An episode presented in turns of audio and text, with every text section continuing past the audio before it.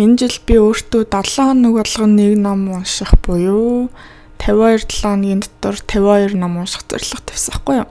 Тэг үүндээ би өмнө жил урд нь ч гэсэн ер нь иймэрхүү зорилго тэдэн ном уншина гэдэг зорилго тавьж исэн. Гэхдээ ерөөсөө тэрэндээ хүрж байгаагүй. Тэгээд би энэ жил 52 гэж гээд амар их тоо тавьчаа. Тэгээд тэрэндээ яг үүндээ өөрийгөө хүрнэ гэж бол бодоагүй. Гэхдээ яг чадах чинь нэгэрээ хичээнэ гэж бодсон байхгүй юу. Тэгээд юу яасан юм. Тэгэл яг шинэ жилээ эхлэхдээ амар их хүчтэй эхлэв. За одооноос эхлээд би ингээд юу зав цаг олт тулганд бол ном уншина гээд Тэгээд харин яваадсэн чинь ном уншихад яг үүндээ тийм их хугацаа ордгүй юм байна гэдгийг ойлгосон. Тэгээ өдөр алга ингээд жохон жохноор уншуул уншаал яваад хахад ер нь бол а 7 хоногийн дотор нэг номыг дуусгах бол хангалттай боломжтой гэдгийг ойлгосон. Тэгээд миний хувьд болохоор өглөө яг босоод кофегаа ууж захтаа би ингээд дандаа YouTube энтер үзээд өөр юм тиймэрхүү юм хийдэг гэсэн аахгүй. Тэгээ трийгээ болоод оронд нь зүгээр өглөө кофегаа ууж захтаа номоо уншдаг болсон. Тэгээ тэрнийг үсрээл 20-с 30 минут уншина. За тэгчингүүтээ орой унтахдаа орондоо орчоод нөгөө нойр хүртэл нэг бол уцаа оролт нэг бол кино мэн үзнэ гэдэгтэй штэ. Тэгээд юм үзээд тахаар тийм дэлгэх ширтгэхээр харин ч нөгөө нойр хүрэх гэжсэн юмыг ч улам сэргээгээд ингээд унтаж чадхаа болчдөг юм шиг санагдаад байсан байхгүй юу. Тэгэхээр оронд нь бас ном уншихаар солиод тэгээд тэр чинь бас нэг нойроо хүртлийн уншина гэхээр бас нэг 20 30 минут уншиж байгаа л тэгээд яг нойр хүрэхгүй байх юм бол жоохон удаан уншиж болно. Тэгээд өглөө оройдоо нэг 20 20 минут гээл яваадсэн чинь номнууд бол амар амархан уншигддсан бэлээ. Тэгээ би одоогийн байдлаар яг 52 номныхоо 22-ыг уншсан байна. Тэгээд өнөөдөр өөр ярих юмсны санаа орж ирэхгүй байсан учраас би зүгээр уншсан номнуудаа хальт хальт яриад сонирхуулъя гэж бодлоо. За тэгээд энэ жил би болохоор ер нь яг fiction, non fiction аль алийг уншсан. Гэхдээ ер нь бол сүүлийн үед яг non fiction буюу тийм нөгөө self help гэдэг нь шүү дээ тийм. Тийм өөртөө туслах гэх юм уу? Монголоор юу гэдэг лээ?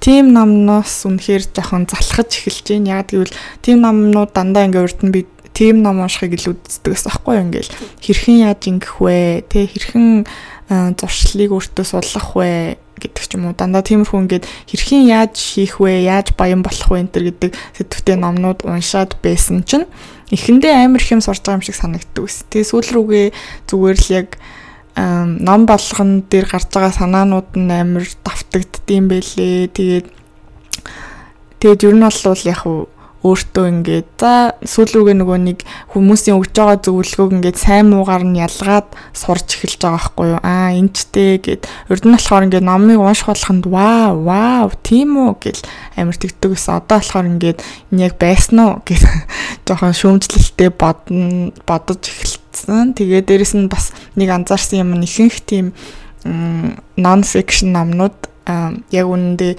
тийм урт ном байгаад ах шаардлагагүй яг нэг санаагаа ойлгуулахын тулд амар олон хуудас нуршаал гэдэг юм шиг санагдсан.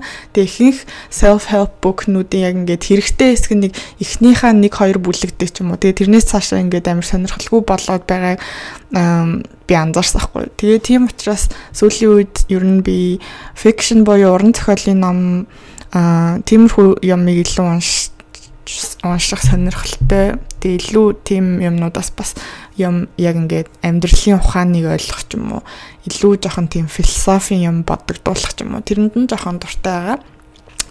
За тэгээд номнууд руугаа оръё. Тэгээд хамгийн эхлээд бол би нөгөө өөртөө ном унших дадал судлахын тулд амархан бөгөөд ингээд шимтээд уншаад хурдхан дараа нь болох дараа нь болох гэд унш уншдаг ном байдэн шүү дээ тий. Тиймэрхүү уран зохиол, тийм жоохон хөнгөн хэлбэрийн гэсэн үг. Тийм номноос эхлэе гэж бодсон. Тэгээд би яг 12 сард нөгөө нэг TikTok энтрээр Instagram энтрээр хаасайг үл яваадсан.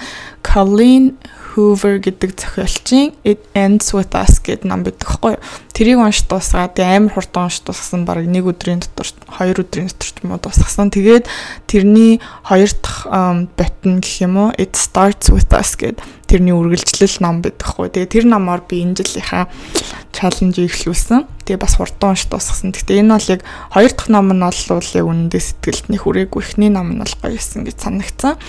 За тэгээ дараа нь болохоор би нөгөө өвөл манайх нэг 2 семестрийн голлоор нэг 3 Jan term буюу ингээд өвлийн тийм жижигхэн семестр гэх юм уу тийм юм байдаг хгүй нэг л сар хичээл авдаг.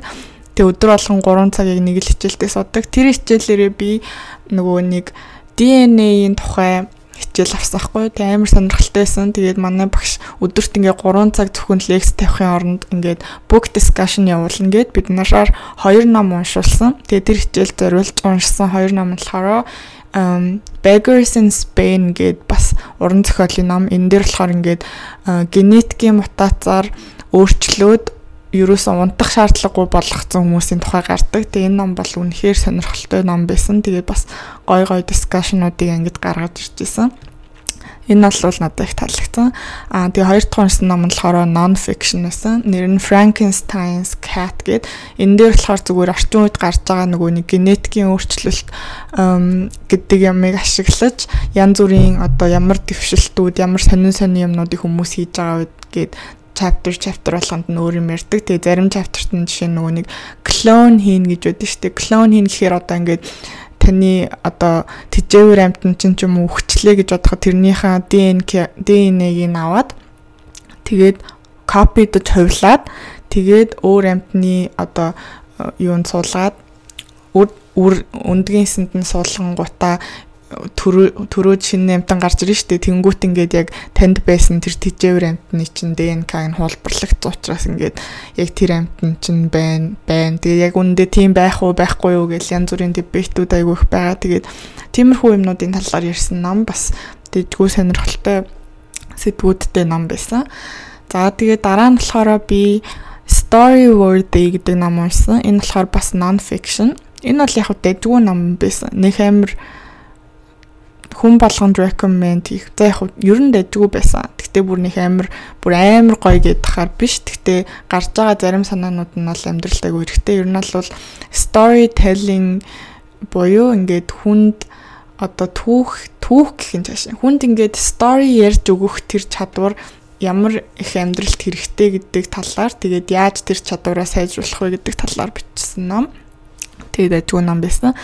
Тэгээ дараа нь болохоор алхимчиг уншсан. Алхимчиг болохоор би урд нь 4 3 4 жилийн өмнө уншижсэн. Тэгээд жоохон мартсан байсан болохоор дахиад нэг уншчих гэж одоо уншсан. Тэгээ алхимч бол угаасаа хөрхөн ном цаанаа аягүй олон утга санаатай.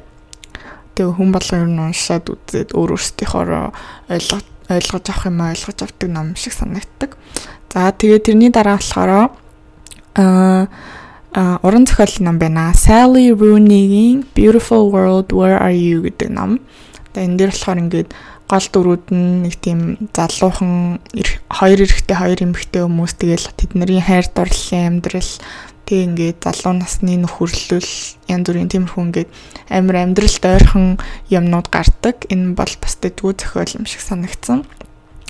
За тэгээ дараа нь болохоор би энэ номыг амар удаан уншина гэж бодож бодож явж байгаа энэ жил уншсан. Энэ нэр нь болохоор Man's Search for Meaning гэд Viktor Frankl гэдэг хүний бичсэн ном байгаа. Тэгээ энэ болохоор нөгөө нэг хоёрдугаар дайны үед юу concentration camp бед бэжсэн. Тэгээ тэндээс ингээд survive хийж гарч ирсэн хүн тэгээ тэнд байхдаа тэр ингээд амар хэцүү нөгөө нэг concentration camp ч монголоор юу гэдэг лээ дээ. Аа нөгөө еврейчүүдийг хордог тийм газар гэдэг гэсэн шүү дээ германчууд. Тэн тэгээ амар хэцүү ингээд амьдралыг хэдэн жил үдшиж туулсан ч гэсэн тэр хүн ингээд амьдрах амьдрах хүслээ алдаагүй тэгээд гарч ирээд ингээд тэр тэрнийхээ тухай ном бичээ. Тэгээд хүн гэдэг чинь ер нь бол амьдралт нь meaning буюу ямар ч хэцүү амьдралтай байсан, ямар ч ингээд suffering хийжсэн тэрнээсээ утга учирыг гаргаж ирж олж чадах юм бол хүн ингээ амьдрах хүсэлтэй байдаг аа. Ингээд survive хийж чаддаг гэсэн утгатай тиймэрхүү тийм ном байсан. Тэгээ энэ бол бас мэдээ сонирхолтой байсан. Тэгээ дараа нь 1984-ийг уншсан. Энэ бол угаасаа George Orwell-ийн ном шүү дээ. Угаасаа амар алдартай. Тэгээд бас амар сонирхолтой ном байсан. Тэгээд юу гартыг нь ярьж нэг спойлертод яг энийг бол ер нь уншаад үзчихэд гимгүү нэлээд их бодогдуулсан. Тийм улс төрийн юу гэдэг штэ. Дистопия. Дистопия буюу ингээд улс төр бүр буруугаар эргээд амар хар бараан амьдралтай болчих юм бол бидний амьдрал ямар хөө байж болох вэ гэсэн талаар тийм зөвгнөд зөгнөх нь чаш ер нь бол ийм байх боломжтой гэж төсөөлж бичсэн ном баггүй юу. Тэгээд гоё ном байсан. За тэгээ энэ дараа Tim Ferriss гэдгээд нөгөө нэг подкаст үүдэн шүү дээ. Тэр подкастын Tim Ferriss-ийн The 4 Hour Work Week гэдгийг уншсан. Энэ бол угаасаа би бас уншия гэж бодоод л явааддаг гэсэн. Тэгээд уншсан. Нилээн техникл тэгээд яг яг яаж юу яах вэ гэд ер нь бол санхүүгийн болон амьдралын одоо эрхчлөө гэх юм уу юу гэх юм. Ер нь бол ингээд яаж бага ажиллаж их мөнгө олж тэгээд байн гамарч сайхан амьдрах вэ гэдэг ном гэх юм уу. Тэгээ угаасаа ингээд тэгэд яг яаж ажлынхаа цагийг багасгах уу, яаж ингээд үр дүнтэй цөөхөн цаг ажиллаад адилхан үр дүн гаргах уу гэдэг ч юм уу. Тиймэрхүү юмны талаар бичсэн ном. Тэр нь бол санаанууд нь бас нэлээд дэжгүй таалагдсан. Гэхдээ яг хүн болгонд нэг амир апплайтгааргүй. Тэгээ ялангуяа зарим чаптрууд нь бол би зарим чаптрын зүгээр тэр чигээр нь алгасан надад ямар унших хэрэггүй байсан яг одоохондоо. Гэтэ ерөнхий санаа нь бол дэжгүй ном байсан. За тэгээд энэний дараа болохоор um Mark Manson-ы The Subtle Art of Not Giving a Fuck гэд энэ болохоор нөгөө Монголд бас артуулагдсан мэт ч тэ таамжиргүй амьдрах бяцхан урлаг гэд тэгээд энэ болвол бас дэжгүй бас л нөгөө бусад non fiction номнуудтай адилхан нэг амар бүтэн ном яваад ах нэг шаардлагагүй нэг chapter-ыг уншчихад тэгээд ерөнхий санааг нь ойлгохоор ном юм шиг санагдсан. Гэхдээ ер нь бол дэжүү ном байсан.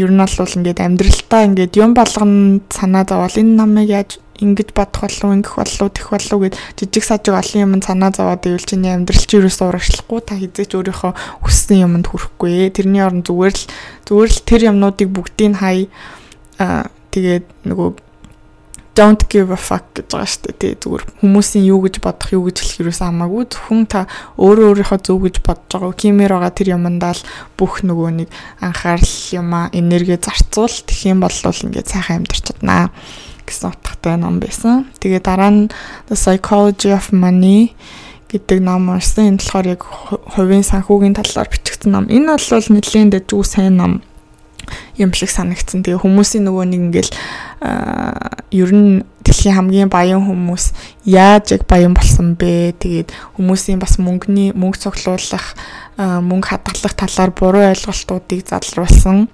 ном байсан. Тэгээд бас энэ бол нэлээд дэдгүү non fiction номнуудын нэг гэж би бодож байна. Тэгээл нөгөө Warren Buffett, Buffett гэх хүмүүсийн жишээг хамгийн айгүй их авч ярьдаг. Гэтэ энэ номны номыг ингээд нэг амар мөнгөө ингээд инвест хийгээл тэгэл сквал амар их мөнгө олдог хүмүүс төрүүлсэн ном биш. Зүгээр л энгийн хүмүүс яаж мөнгөө зарцуулах юм бол тэг ингээд э, мөнгөө сайн одоо баян болж болох вэ гэсэн утгатай л ер нь бол ном. Тэгээд ер нь бол гол санаа нь гэх юм бол аа мөнгө их олохоосоо илүү мөнгө хэр их хадгалах нь баяжих баян байхад хамгийн чухал гэж ойлгочод ер нь бол болно. Тим тим ном байсан. За тэгээ дараа нь Donna Tartt-ийн The Secret History гэд уран зохиолын ном. Энэ бол бүр нэлээд сонирхолтой ном байсан. Тийм, тэгэл хэлчихэ дөө. Иймэрхүү ингээ уран зохиолын ном дээр юу гардгийг хэлчихэр чинь нэг спойлер чинь энэ дээр бол яг нэг тийм аюу сонирхолтой нэг тийм групп оюутнуудын тухай гардаг. Тэгээд тэдний нэг нь үхчихдэг. Тэгээд тэр ер нь нэг нь яагаад үхсэн бэ гээл тэр тухай ингээл story түүхүүд нь гараал. Тэгээл яа, ер нь бол сонирхолтой. Бас оюутнууд хүмүүсийн залуу хүмүүсийн хоорондох харилцаа тэгээ би биэндээ яаж нөлөөлдөг вэ гэдэг тухай айгуу сайн харуулсан юм шиг санагдсан. За тэгээ дараа нь Herman Hesse-гийн Siddhartha-г уншсан. Энэ бас алхимичтэй адилхан их тийм хүн болгон уншаад нэг аа нэрэл юм штэ гэж гоё амьдралын утга учирч гэх юм уу нэг тийм ингээд гүн санаануудыг ойлгож авахар ном бас богинохон хүмүүс юу уншчих зүгээр ах гэж бодож байна. Тэгээ дараа нь дараагийн ном нь болохоор Miyako Kawakamiгийн All the Lovers in the Night гэдэг ном байсан. Тэгээд энэ бол энэ ном бол надад үнэндээ нэг таалагдаагүй. Урд нь энэ болохоор нөгөө нэг та нар Haruki Murakamiгийн номнуудыг ер нь уншиж исэн бол Norwegian Wood Mood гэдэг тиймэрхүү номнуудад дуртай хүмүүст бол энэ ном таалагдчих магадгүй. Ер нь тиймэрхүү vibeтэй ном. Надад л яг иймэрхүү номнууд амар мэдгүй. Надад ерөөс таалагддаггүй. Нэг тийм depressing юм шиг санагдаад. За тэгээ дараагийнх нь The Marriage Portrait гэдэг бас уран зохиолын ном Maggie O'Farrell гэдэг хүний бичсэн. Тэгээ энэ ном болохоор надад ер нь энэ жил уншсан номнуудаас хамгийн их таалагдсан номнуудын нэг байх. Дээр үеийн одоо 1500 16 дугаар зууны үеийн Итали одоо нөгөө нэг язгууртан гэр бүлийн охины тухай гардаг.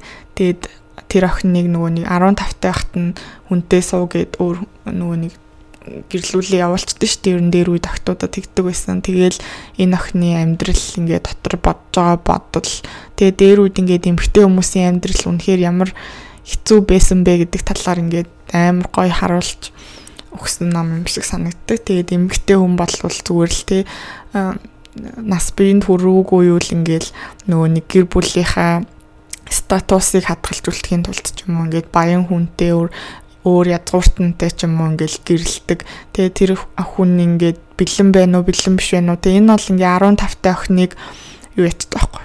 30 та залуутай суулгаал явуулчихж байгаа байхгүй. Тэгээ тэр залуу ингээд зүгээр л язгууртан баян хүн л болохоос биш яг хүн нь ямар хүн юм те ингээд миний охиныг ингээд айтайхан амьдруулж чадахгүй энэ төр гэдэг тиймэрхүү юм ерөөсөө бодохгүй тэгээд суугаад явсан чинь мэдээж тэр залуу нь ингээд айгу эвгүй гар болж таарна. Тэгээл бас зовоон. Тэгээ тиймэрхүү юмнууд ингээд гардаг. Айгу сонирхолтой гоё зохиол байсан. Их таалагдсан. За тэгээ дараа нь Little Prince-ийг уншсан. Бас л нөгөө нэг юу энтертэй адилхан. Алхимч энтертэй адилхан нэг тийм хөөрхөн жижигхэн мөртлөө дотроо айгу олон санааг агуулсан айгу хөөрхөн story. Тэгээд ер нь бол уншаагүй юм баг байдгүй байхаа гэж бодож байна. За тэгээд дараас нь нэг non fiction орж ирж байна. болохоор Quiet гэдэг ном Susan Cain-ий бичсэн. Энэ болохоор нөгөө нэг introvert хүмүүс тулгардаг зовлон тий орчин үед юу яагаад ингэж introvert хүмүүс амьдрахад хэцүү байгаа вэ? Энэ нийгэмд ингээд тэд нарыг ингээд хангалттай тэд нарт кредит өгөхгүй байна гэсэн тухай бичсэн тийм судалгаатай ном. Тэгээ би өөрөө introvert хүний хувьд уншихад айгүй таатай байсан надтай адилхан хүмүүс нэрэл зөндөө олон байт юм байна гэж бодсон. Тэгээд дэжгүй нилээн дэжгүй а non fiction намнуудын нэг гэж би бодож байна. За тэгээ араас нь энэ бол нэг ном биш зүгээр жижигхэн юм яриа TEDx дээр ярьсан яриагаа ингээд ном шиг хөвлөө гаргацсан юм баггүй. Энэ болохоор Chimamanda Adichie гэд хүний We should all be feminists гэд яриагаа Угсаа энэ ингээд feminist scholar тэгээд ийм feminist уран зохиолууд бичдэг ийм African American нэмэгтэй баггүй юу. Тэгээд энэ бол айгу яг феминизм гэдэг юм юу гэдгийг сайн ойлгохгүй байх юм бол энэ нэг жижиг номыг уншчих юм бол сайн ойлгоно. Тэгээд айгу хөөрхөн санагддаг. Тэгээ урд нь би бас уншиж ирсэн. Тэгээ дахид зүгээр сэргэмэр санагтаа дахиад уншсан. За тэгээ энэний араа араас нь Rupi Kaur гэдэг зохиолчийн шүллэгийн хоёр номыг уншсан. Нэг нь болохоор Milk and Honey, нөгөөх нь The Sun and Her Flowers гэд зүгээр ингээд шүллэгийн ном. Тэгээд надад бол амар таалагдсан. Амар уншихад амархан, simple, энгийн үг хэллэгтэй тэгсэн ирнэ утга санаанууд нь айгүй гоё. Яг ингээд эмгтэй хүний хувьд амьдрал ингээд яаж санагддаг вэ те ингээд сторинуудаараа тэрийг ингээ гаргаж ирдэг те abuse те баг бахта ингээд sexual assault-д орж исэн бол тэрийг ингээд яа юу гэж мэдрэгдэжсэн гэдгийг ингээд айгуугаа шүлгээрээ гаргаж ирсэн. Тэгээ хайрын тухай, эдгэрлийн тухай, тэгээ саллтын тухай, эцэгхийн тухай гэд жижиг жижиг хэсгүүдэд ингээ хуваагдсан байдаг. Айгуу надад бол айгуу таалагдсан энийг уншихад. За тэгээ дараа нь болохоор хоёр fiction орж ирж байна. Нэг нь болохоор Oscar Wilde-ийн The Picture of Dorian Gray. Энэ бол уусаа classic а юу штэ хүмүүс ер нь бол мэдж байгаах нөгөө нэг Dorian Gray гэдэг амар царайлаг залуу байсан чинь юу ячдаг. А зураг зуруулаа тэгээ зурган дээр зургийг хараад өөрийгөө ямар царайлаг гэдгийг ойлгонгуудаа юу яадаг би ерөөсөө хөгшөрмөргүй байна. Насаараа юм царайлаг үлдмээр байна. Миний оронд энэ зураг хөгшрөөд миний оронд энэ зураг ингээд тэр насыг зооглдог болвол ямар сайхан бэ гэд бодсон чинь тэр нь биелждэг. Тэгэл тэрнээс цаашаа ингээл яаж муухай санаатай хүн болж ямар ер нь тийм ямар муухай хүн болсон уу тэгээд үргэлжлүүлээ гардаг. Тэгээд уншмаар байвал өөрсдөө уншаарай ер нь болон уншчихад гэмгүй тохиол гэж би бодож байна. За тэгээ хамгийн сүүлд уншсан болохоор Стив Мартин гэдэг хүний бичсэн An Object of Beauty гэдэг ном байсан. Энэ дээр болохоор юу яадаг? Нью-Йоркд байдаг нөгөө нэг art dealing боёо нөгөө нэг уран юу уран гэднэ. Тэгээ уран зурагууд байдаг шүү дээ амар үнэтэй ингээл дэлхийн том том уран бүтээлч нарын хийсэн уран зураг болон тийм артворкуудыг зарж ингэж дундаас нь мөнгө олдог, аукшнд оруулж, дуудлага худалдаанд оруулж моруулдаг тэр бизнесийн тухай, тэгээ тэнд ажилладаг хүмүүсийн тухай, тэр нь яаж явагддаг тухай тэгээ тэрийг ингээ уран зохиолын маягаар харуулсан ном. Уг нь бол дэжгүй ном байсан. Гэхдээ жоохон уран зохиол гэхэд бол жоохон хэцүү юм шиг санагдсан. Гэхдээ story нь бол дэжгүй хөөрхөн санагцсан. За тэгээд ийм байна. Одоогоор миний уншсан 22 ном байлаа. Тэгээд дараа тэгж байгаад 52 ном унш тусахаараа дахиад нэг подкаст хийх байхаа гэж найдаж байна. Тэгээд энэ хүртэл сонсон бол баярлалаа. Маргааш уулзцаая.